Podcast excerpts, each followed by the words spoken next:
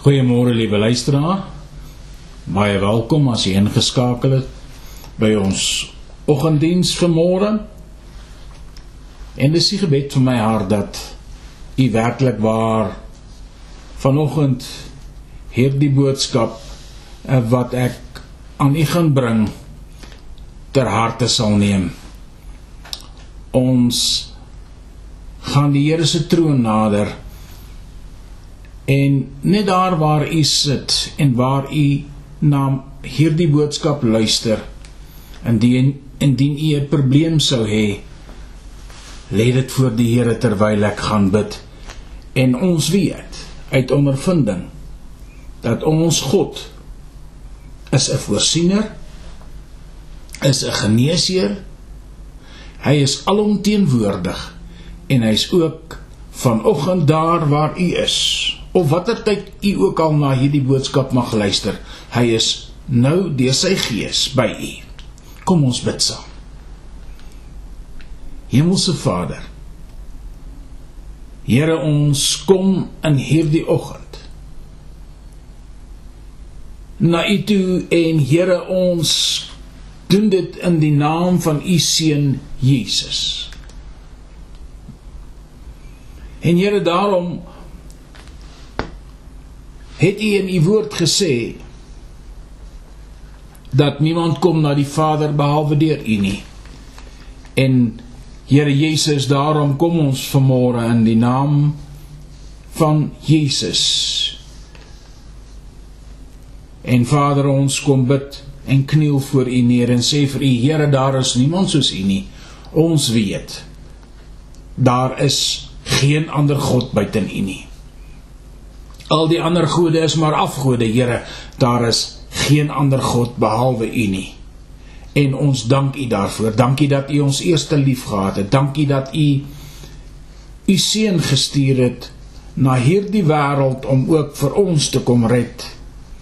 En ons dank U daarvoor. Dankie vir U woord, U geskrewe woord wat ons vanoggend kan lees en aan so baie mense kan bedien reg oor die spektrum van hierdie planeet van ons word u naam verkondig. Maak nie saak wat die tydsverskil is nie, Here, maar u naam word verkondig. Word dan nou verheerlik. En Here dat u my sal ondersteun as u dienskneg om ook hierdie boodskap aan u kinders af te lewer.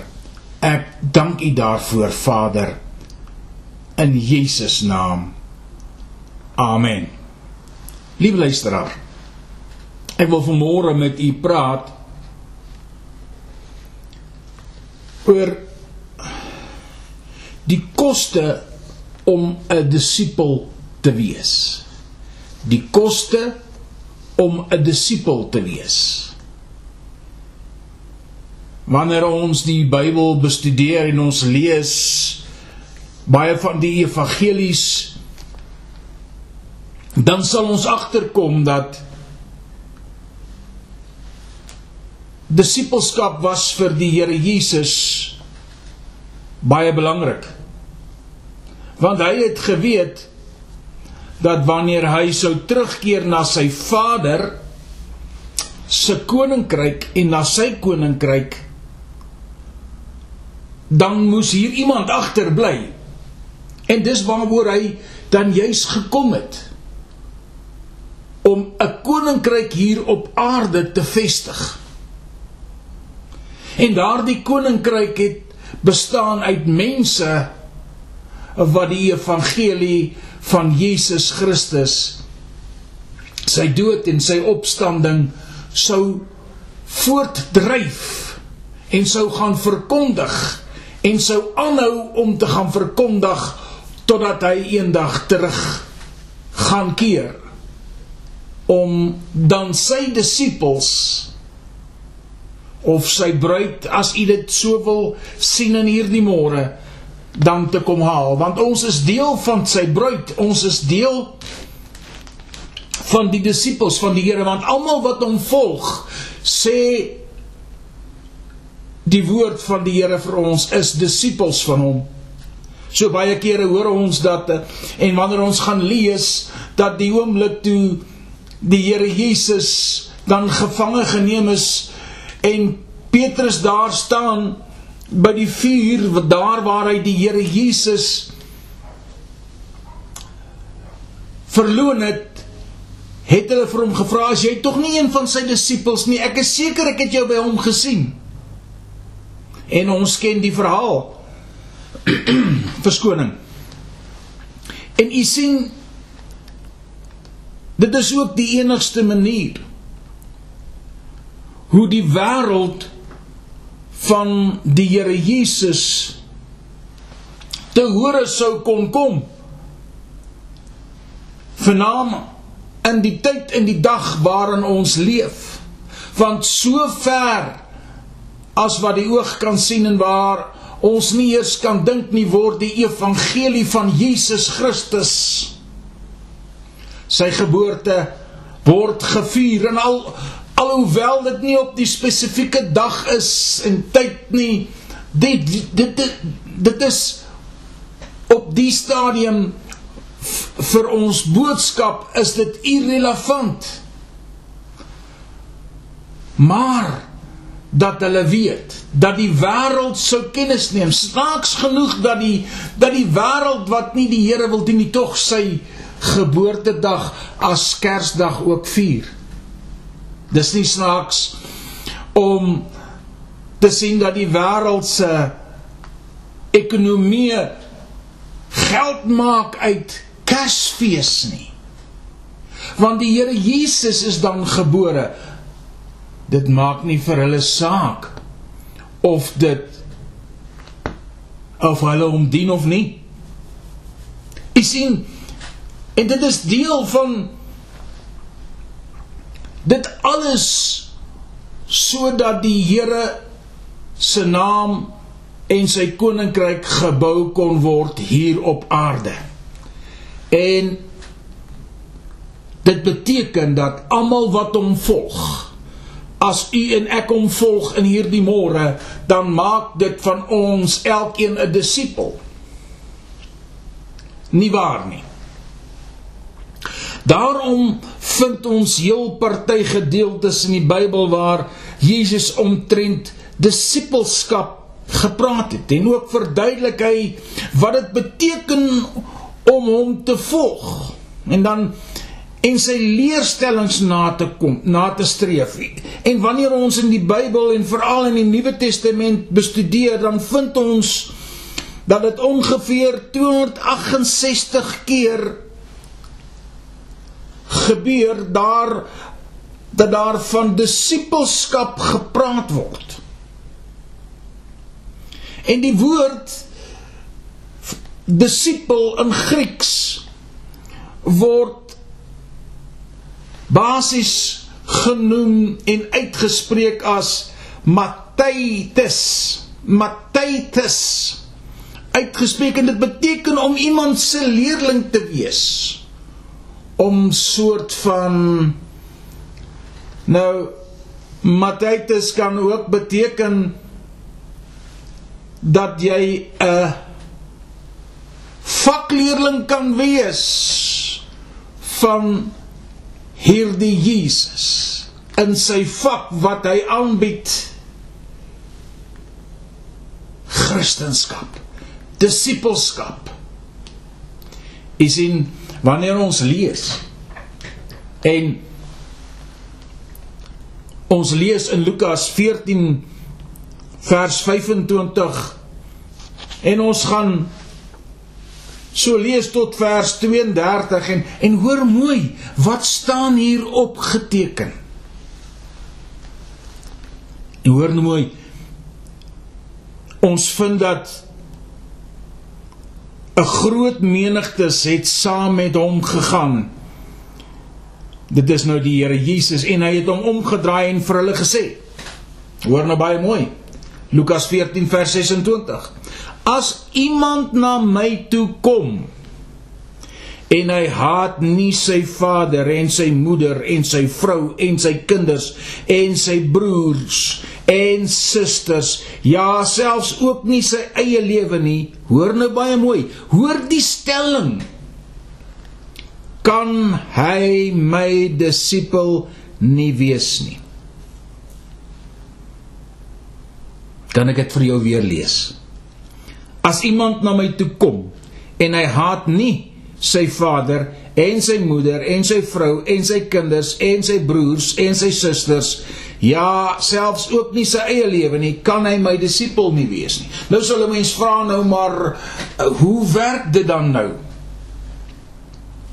En hier kom die kwalifiserende antwoord op daardie vraag wat ons sou kon dan vra En elkeen wat sy kruis, hoor nou baie mooi. Hier verander die hele stelling. En elkeen wat sy kruis nie dra en agter my aankom nie, kan my disipel nie wees nie. Dit het niks te doen gehad op daardie stadium. Mense sou nou dink hulle moet hy moes hulle lief gehad het. Nee. Hy sê baie mooi. Elkeen wat sy kruis nie dra en agter my aankom nie, kan my disipel nie wees nie. Want wie van julle wat 'n toring wil bou, gaan nie eers sit en die koste bereken of hy nie die middele of hy die middele het om dit uit te voer nie. Sodat as hy die fondament gelê het, en hy nie in staat is om dit te voltooi nie. Almal wat dit sien nie miskien met hom sal begin spot en sê hierdie man het begin bou en kon nie klaar kry nie.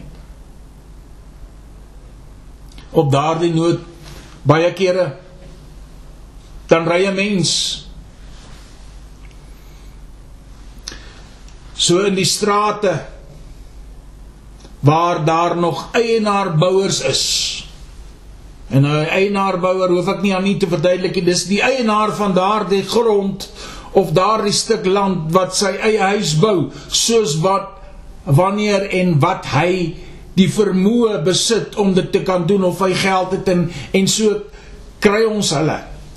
Oral selfs in die informele nedersettings kry ons baie eienaarbouers Die man begin eers met 'n uh, eh, sinkaya en dan bly hy en sy familie daar en so sal almal help om of stene te maak of wat ook al elkeen van hulle se vermoë is en so bou hulle stukkie vir stukkie vir stukkie daardie huis totdat dit klaar is en voltooi is. Nou dieselfde geld hier. Maar daardie man, daardie persone moes gaan sit dit en gaan bereken dit wat gaan dit kos? Hoe groot wil ons die huis maak deesdae? Is dit nie meer soos vroeër jare dat jy 'n bouplan moet ingee op al die plekke nie en vernaam hier na die informele woongebiede is daar nie meer sommer planne wat jy moet ingee om 'n huis te bou nie. Jy bou maar soos jy wil want die die grond word vir jou teen 'n appel en 'n ei verkoop en dit behoort aan die hoofman of die die chief soos hulle sê en hy het gewoonlik 'n onderdane wat in daardie area is en jy gaan betaal die geld en so bou jy soos wat jou geldjie daar is en ek het al baie kere gesien dan word daar 'n fondasie gegooi en daardie fondasie staan maar vir 'n lang tydperk. En eendag as jy daar verbygaan is daar weer 'n bietjie paar stene opgebou en en as jy weer sien dan bou maak hulle stene met handvorms en so gaan dit aan. Maar jy sien hier kom die Here Jesus en hy leer vir hulle. Hy sê sodat as hy die fondasie gelê het en nie in staat is om dit te voltooi nie, almal wat dit sien, nie miskien met hom sal begin spot en sê hierdie man het begin bou en kon nie klaar kry nie.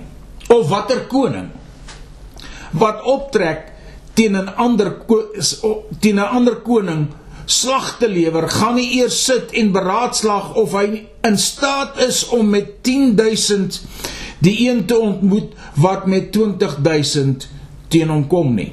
Met ander woorde, dit gaan oor die koste om die koste te bereken van wat ook al. En dis waar ek my titel vanaf gekry het van hierdie boodskap vanmôre, die koste om 'n disipel te wees. En dit is waaroor ek met u my liewe luisteraar graag wil 'n paar oomblikke gesels. Die koste om 'n disipel te wees. U sien in Lukas 14 vers 32 en 33 sê die Here Jesus verder as hy anders daardie koning as hy sien maar hy gaan dit nie maak nie. Hy het nie genoeg manskappe nie. Anders stuur hy 'n gesantskap. As die ander een nog ver is en vra vredesvoorwaardes. So kan ook niemand van julle wat nie afsien van al sy besittings my disipel wees nie. Hoor mooi wat ek vir u lees in hierdie môre so kan ook niemand van julle wat nie afsien van al sy besittings my disipel wees nie. Met ander woorde, jy moet afsien, jy moet jou besittings vaarwel roep want dit is in elk geval nie joune nie. Jy sien, dit is die koste om 'n disipel van die Here Jesus te wees. Jesus verduidelik van disipelskap in vers 26 die A gedeelte en hy sê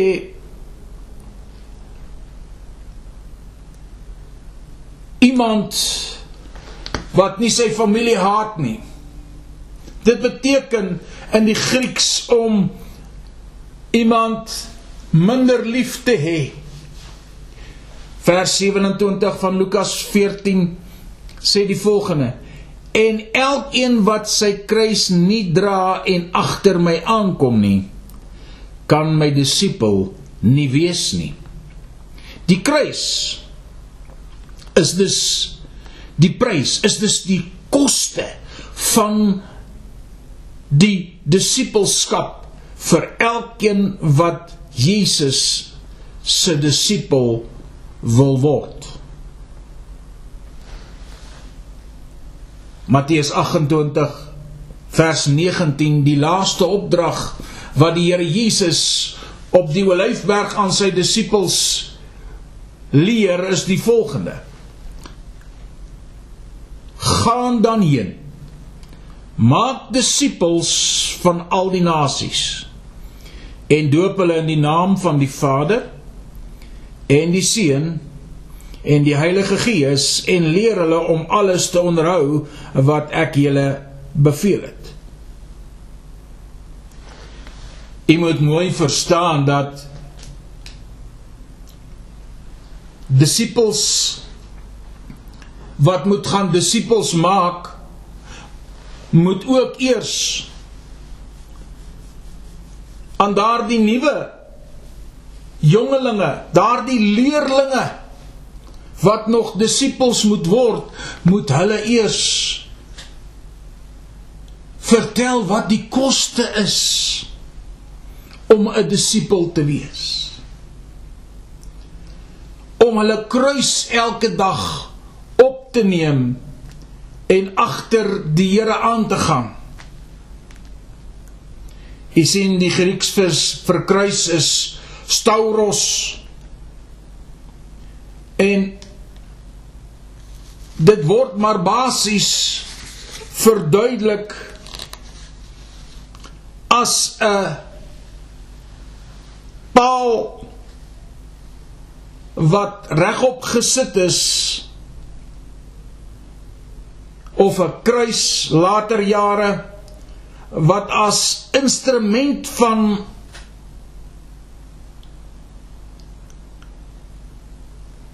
basiese foltering sou duur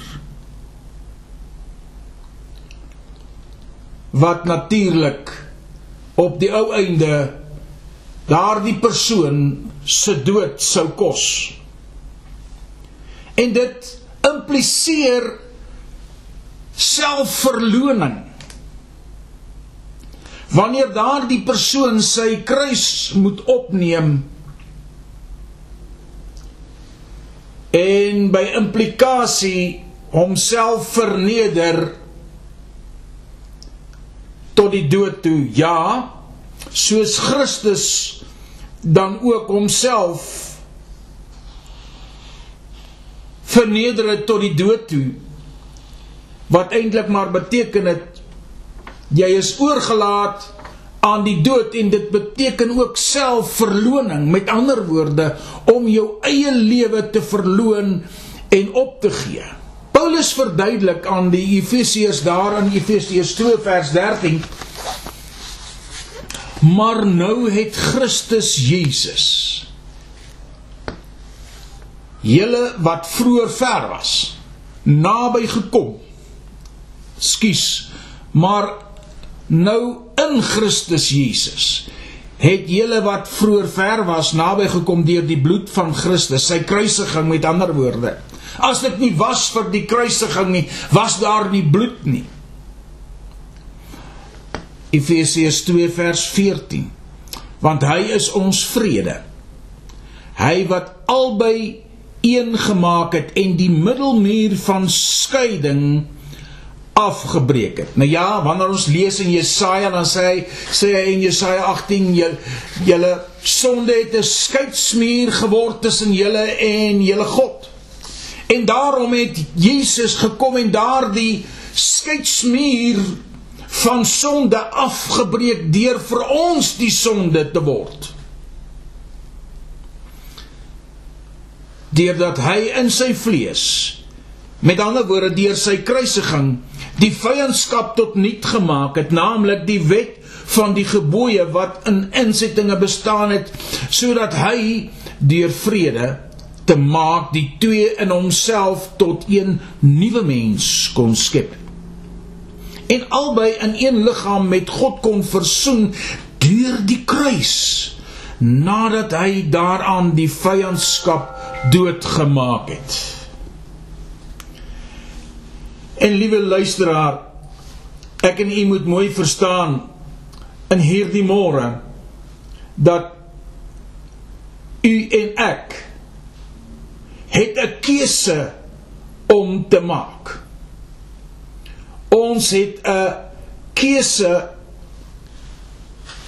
om te maak wanneer dit kom by die kosteberekening om 'n disipel te wees. En hoor nou mooi in vers 17 van Efesiërs 2 sê hy die volgende: en hy het die evangelie van vrede kom verkondig aan julle wat ver was en aan die wat naby was. Want hy het deur hom vers 18 want deur hom het ons albei die toegang deur een gees tot die Vader so is julle dan nie meer vreemdelinge nie vreemdelinge skuis en bywoners nie maar medeburgers van die heiliges en huisgenote van God. U sien deur daardie liggaam van Christus wat hy afgelê het daar aan die kruishout deur sy bloed het hy vyandskap van die sonde verbreek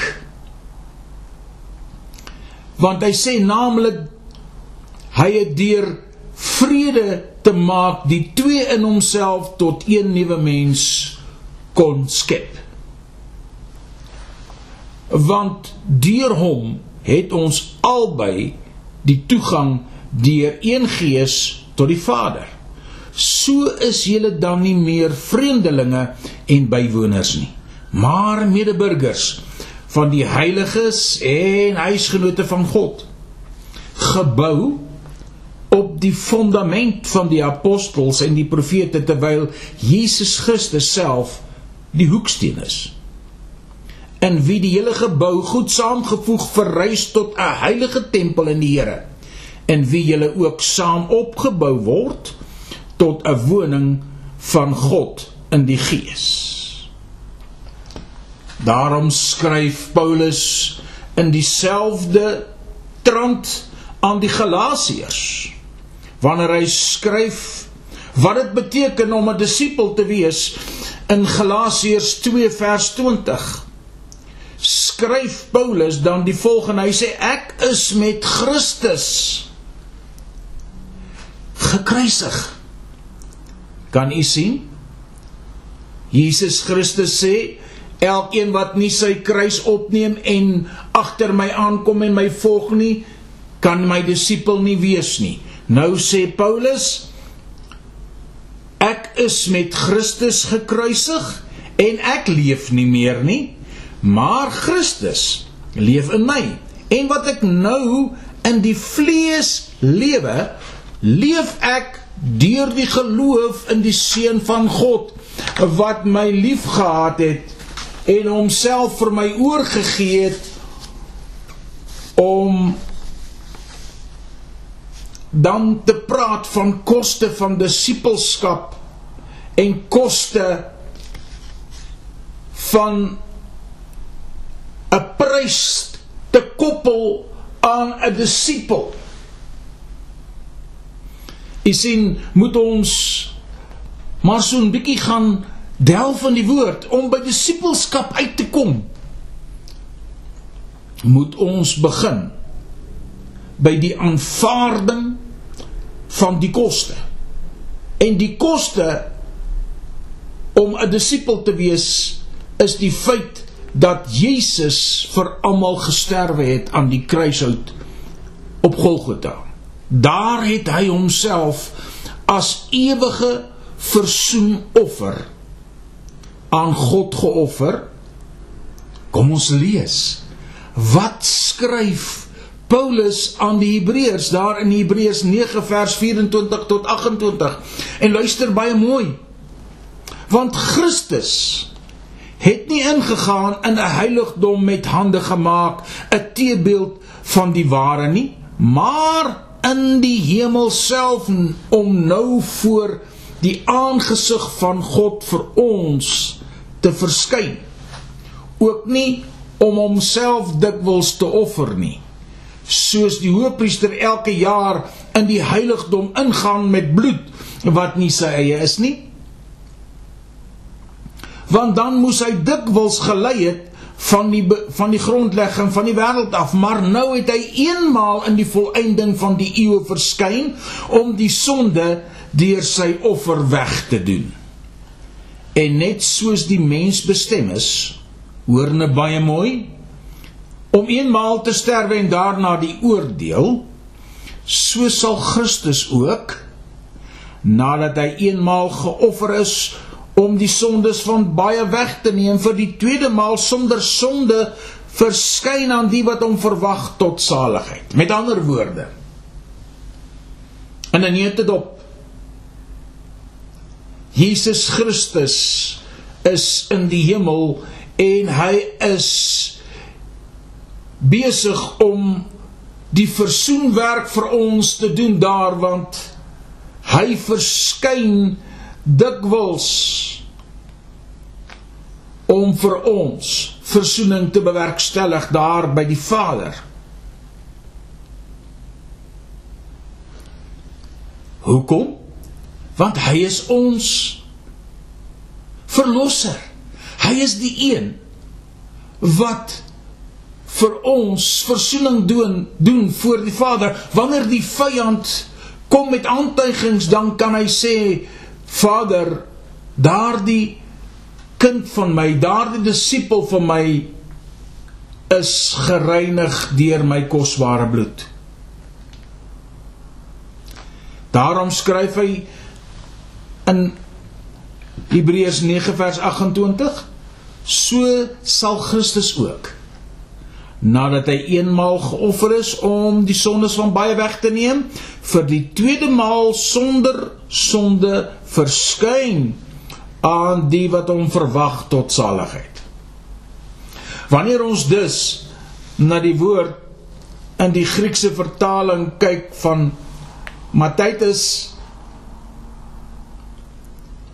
wat ook leerling kon beteken dan volg 'n goeie leerling dit wat sy leermeester hom of haar sou leer. Nie waar nie? So sterwe Jesus dus vir ons sondes as ook vir die van die hele wêreld om as leerling in sy leerlingskap te bly moet ons dan ook mos die sonde afsterwe nie waar nie? Nommer 1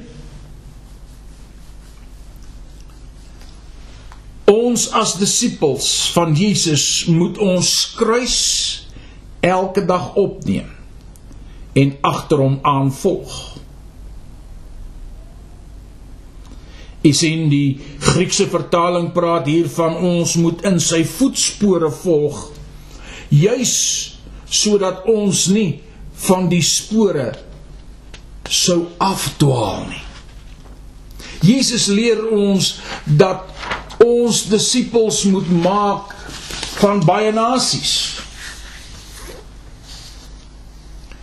En hulle dan doop in die naam van die Vader en die Seun en die Heilige Gees en dan kom die grootste opdrag naamlik leer hierdie disippels alles wat ek julle geleer het. Paulus skryf dus aan die Romeine omtrent hierdie simboliek van die waterdoop in Romeine 6 vers 1 en ons gaan 'n paar verse lees en hoor hoor mooi want u sien op daardie stadium het die Romeine so vasgehaak by genade genade genade dat Paulus moes vir hulle gou-gou 'n bietjie verduidelik het wat is die hele groter prentjie? Wat is die koste om 'n disipel te wees? Romeine 6 vers 1 Wat sal ons dan sê? Sal ons in die sonde bly dat die genade meer kan word? Vers 2. Nee, stellig nie. Ons wat die sonde afgesterf het, hoe kan ons nog daarin lewe? Nou liewe luisteraar, ek wil net in hierdie oomblik so 'n bietjie vas staan by hierdie gedagte en ek voel in my gees geraak om met u te praat dat u wat die Here Jesus ontmoet en u u lewe aan hom oorgee. U kan mos nie dieselfde bly en net sê maar ek het my hart vir die Here Jesus gegee en nou gaan ek maar net aan soos wat ek aangegaan het nie want u weet 1 Johannes 1 vers 9 sê as ons ons sondes bely hy is getrou en regverdig om ons die sondes te vergewe en van alle ongeregtigheid te reinig. En dan vers 10 sê hy en as ons sê ons het nie sondes nie, sonde nie, dan mislei ons in ons onsself en is die waarheid nie in ons nie. Waarom kom jy dan na Christus toe as jy dan nou so heilig en veilig is? Nee, ons almal het gesondig sê Romeine 3 vers 23 en dit ontbreek ons aan die heerlikheid van God. Hoor nou wat sê Romeine 6 vers 3 Vers 2 het gesê: "Nee, stellig nie. Ons wat die sonde afgesterf het, hoe kan ons nog daarin lewe?" Met ander woorde, jy kan nie dieselfde bly as wat jy gebly het voor die tyd en jy Jesus Christus ontmoet het en gesê het ek gee my lewe vir u. Here help my om van hier af vorentoe 'n beter mens te wees en dan bly jy nog dieselfde nie. Nee nou sê hy in vers 3 of weet julle nie dat ons almal wat in Christus Jesus gedoop is in sy dood gedoop is nie?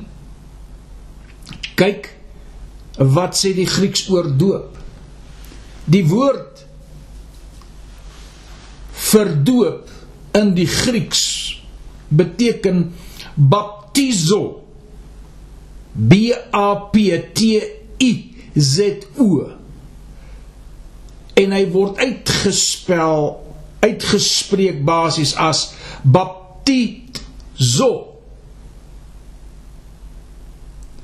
U sien die die narratief vir in die Engelse taal sê baie baie mooi.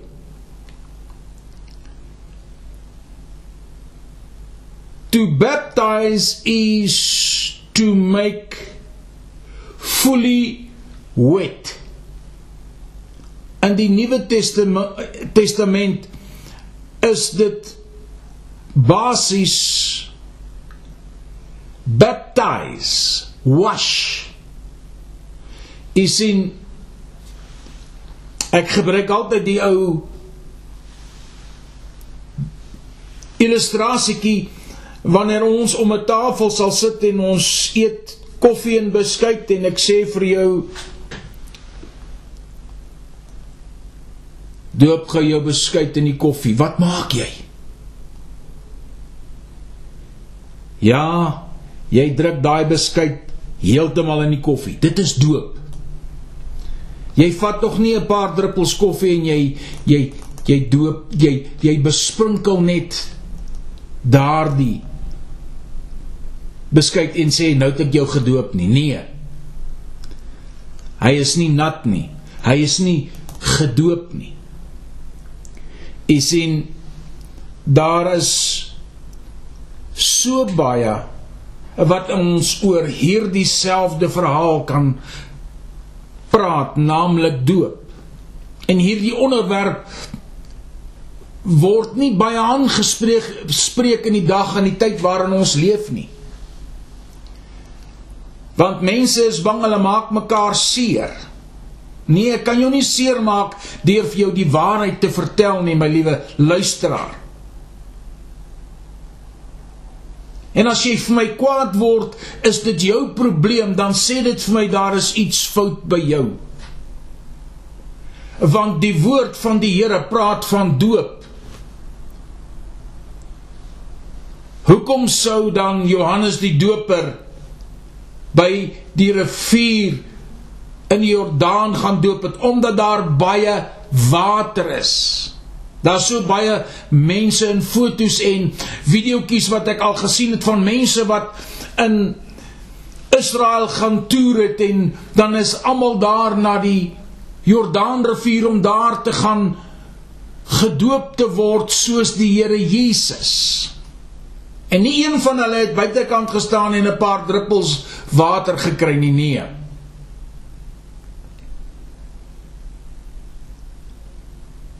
Jy weet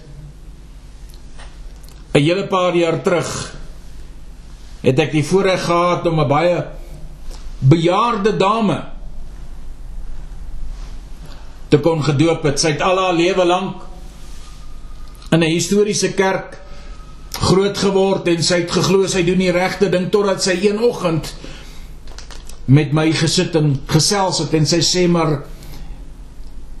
Jy is dan nou so kantig 'n slimme man, slim man toe sê ek dan nie ek is nie slim nie, ek is maar net 'n bietjie afgestudeer en sy sê maar goed, kom ons praat dan nou daaroor. Wat sou jy sê? Moet ek my laat doop of moet ek my nie laat doop nie? Ek sê tannie, ek weet nie wat as jy geleer nie, maar kom ek sê vir jou so. Die Here Jesus sê, "Volg my na soos ek dit ontvang het van my Vader om dit te doen want toe Johannes by die Here Jesus kom en die Here Jesus sê doop my toe sê Here ek is nie eens waardig om u skoenrieme los te maak nie toe sê die Here laat dit so geskied want so kom dit ons almal toe die gehoorsaamheid aan dit wat die Vader vir hom gegee het want Jesus Christus was ons voorganger. Hy het vir ons die voorbeeld gestel. Dis wat ek vir haar verduidelik het daardie oggend. En sy sê moenie weggaan nie, ek is nou-nou terug. Ek dog toe, o, okay, goed. En ek sit nog en ek het skaars my koffie klaar gedrink. Toe kom sy daar aan. En ek sal dit nooit vergeet nie, dit was 'n Julie oggend. Dit is koud. En sy het haar seun gevra om die foto's te neem. En ek het haar in daai yskoue water te haar gedoop op haar eie belydenis. 80 jaar oud. En ek doop haar op haar eie belydenis. Toe kom sy agter sy het so lank die woord van die Here verkeerd verstaan. Romeine 6 vers 4. Ons is dus saam met hom begrawe, dis Christus, deur die doop in die dood, sodat net soos Christus uit die dode opgewek is, deur die heerlikheid van die Vader, ons ook so in 'n nuwe lewe kan wandel. Want as ons met hom saam gegroei het deur die gelykvormigheid aan sy dood, sal ons dit ook tog wees deur die aan sy opstanding. Romeine 6:6. Aangesien ons dit weet dat ons die ou mens saam gekruisig het.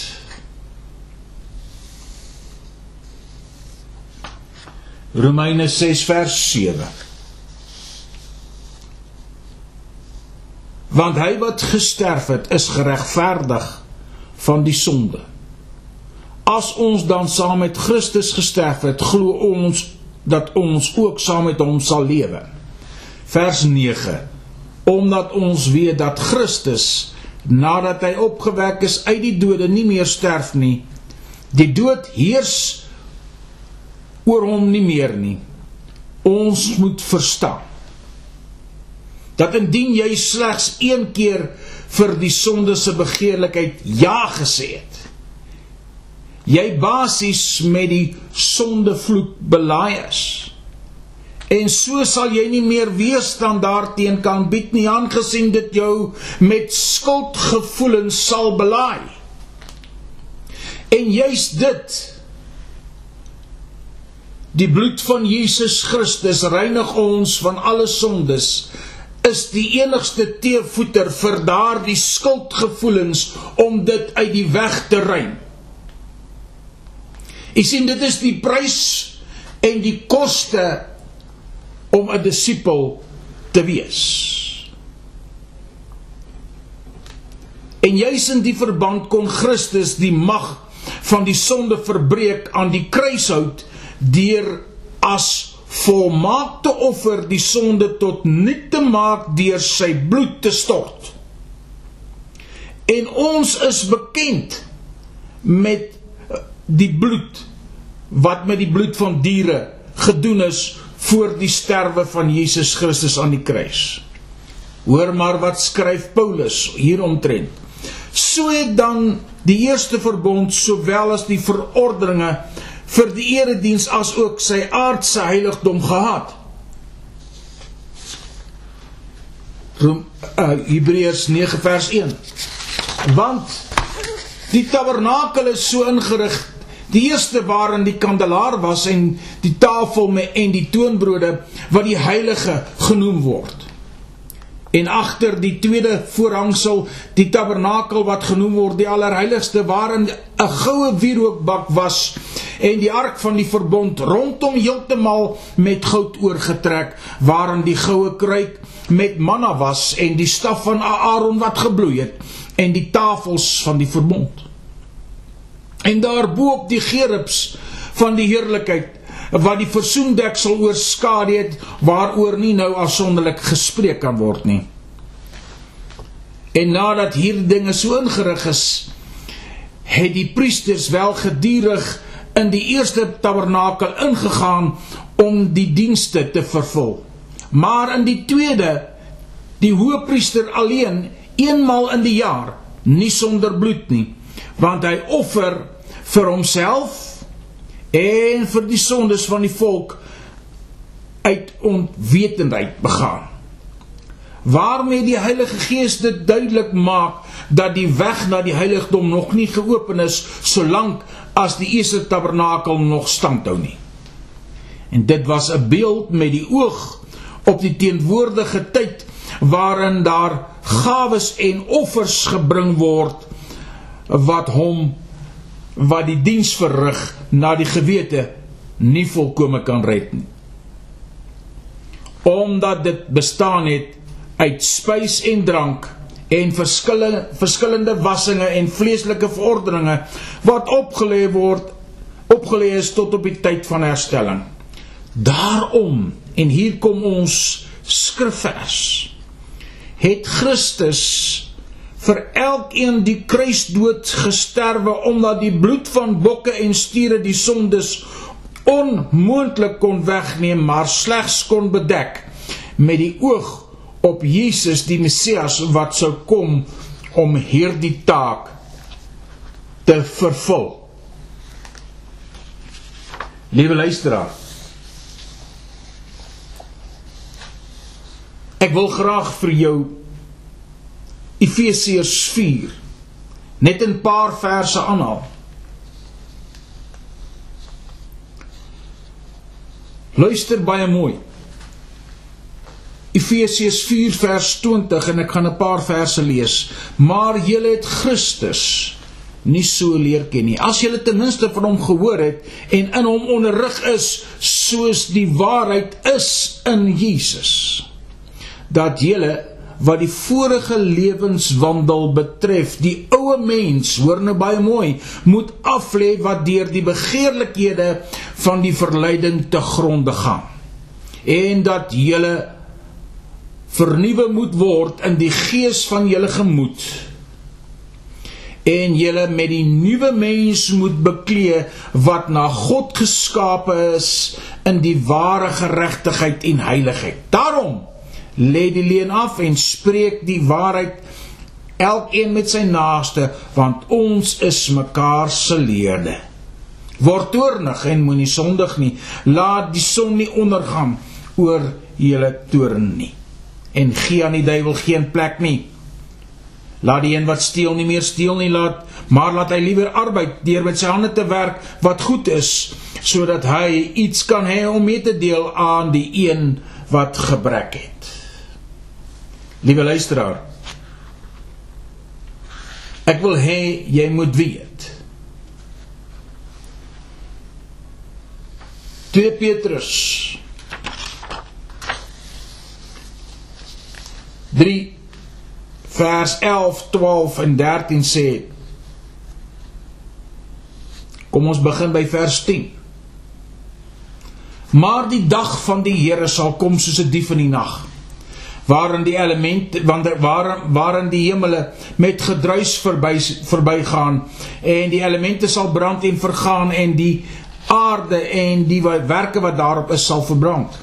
Terwyl al hierdie dinge dan moet dan vergaan. Hoe danig moet julle nie wees in heilige wandel en godsvrug nie? Julle wat die koms van die dag van God verwag en verhaas, waardeur die hemele deur vuur sal vergaan en die elemente sal brand en versmelt. Maar ons verwag volgens sy belofte nuwe hemele en nuwe aarde waarin geregtigheid woon. Liewe luisteraar. U en ek moet die prys bereken in hierdie môre. Die prys om 'n disipel te wees, die koste van 'n disipel. Wat is die koste van 'n disipel? Is die koste vir u hier vandag nou in hierdie lewe groter as die uiteinde daarvan. Want u sien as ons saam met Christus sterwe, sal ons saam met hom lewe. Maar as ons dit nie nou wil doen nie, sal ons nie saam met hom lewe nie en sal ons in die ewige hel gaan brand. Wat is u keuse in hierdie môre? Wat gaan u besluit? 'n Ewigheid sonder God of nou maar die 90 dalk 100 jaar wat u gaan leef en ek gaan leef voordat die Here dalk vertoef om te kom en ons kan saam met hom leef want ons weet as ons nou soos Paulus sê ek is met Christus gekruisig ek leef nie meer nie maar hy leef in my dan weet ek is daar 'n vooruitsig vir 'n hiernamaals 'n herontmoeting met hom vir wie ek my lewe afgelê het en hy wat sy lewe vir my afgelê het. Want u sien, hy het eers sy lewe vir ons afgelê sodat ons dan saam met hom kan eendag in die ewigheid gaan woon. Wat is jou besluit? Ek wil nie van van môre met jou 'n lang storie maak nie, maar ek gaan bid. En as jy wil ingesluit wees dan bid u saam met my hierdie gebed. Vader, ek kom in hierdie môre na u toe en Here, ek weet dat ek skiet tekort. Here, ek weet dat daar is probleme en daar's plekke en daar's gedeeltes in my lewe wat donker is. Here, ek wil bid dat u u lig daardie lig van die Heilige Gees op my sal skyn en Vader dat u my sal vergewe vir dit wat ek fouteer en gefouteer het en nog sal doen Here want u weet wat in my lewe aangaan. Here u ken my en Here daarom wil ek soos Paulus skrywe ek wil my lewe aan u wy. Here help my om elke dag te lewe sodat u in en deur my verheerlik mag word. Here, ek weet dis 'n moeilike lewe, maar Here, die koste het ek bereken in hierdie môre en ek weet dis die beste keuse wat ek ooit sal maak as om met 'n koste te doen wat glad nie vir my gaan sin maak nie. Dankie Here Jesus vir die kosbare bloed. Dankie Here dat U my sondes vergewe en my skoon was in die kosbare bloed. Help my om te lewe elke dag, Here, sodat ek beter en beter sal word in Christus Jesus en dat ek 'n beter lewe sal lei as gister. Dat elke dag vir my 'n uitdaging sal wees in Jesus Christus naam. Ek bid dit in Jesus naam. Amen. Liewe luisteraar,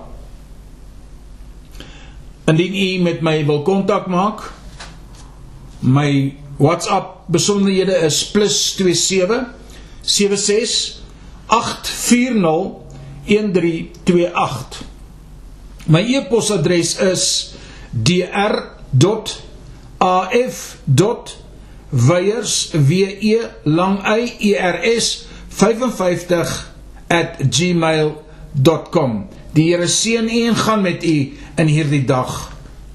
Amen.